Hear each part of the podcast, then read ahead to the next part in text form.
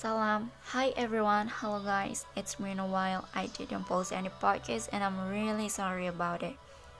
By the way, how are you doing? Hope you're always doing good.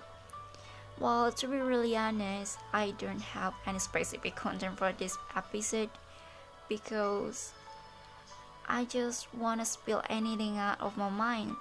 But I will try to make it workable to listen.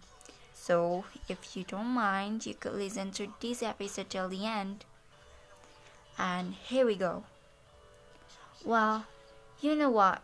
Lately, I'm facing a, little bit hectic time in my life, and I think some of us feel the same too. In this condition, with coronavirus, I mean, I know how you feel, but there's nothing we can do and let's keep ourselves healthy and safe, right?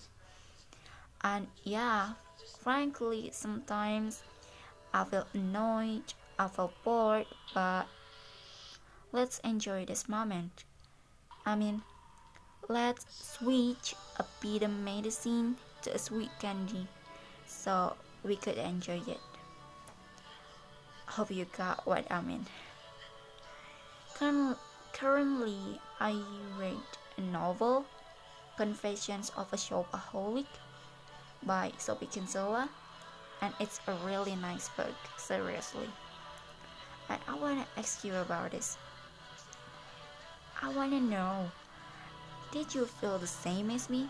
I mean, this is a hilarious thing, but whenever I read a book or watch a movie or drama, sometimes I always imagine how if I live a life like that. Could I make it better? Or even worse? I don't even know. oh, yeah. Lately, I spend my time to speak with myself about what am I going to do? What's my goal? And how far I know myself. Well, it's a little bit hard, but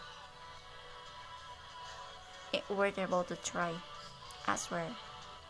It makes myself more wise, more peaceful, and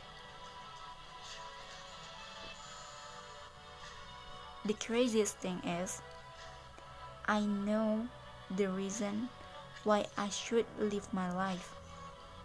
So, hope you try to speak with your own self too. I'm Figgy, and my brother here and I love you. Bye bye. Thank you for listening.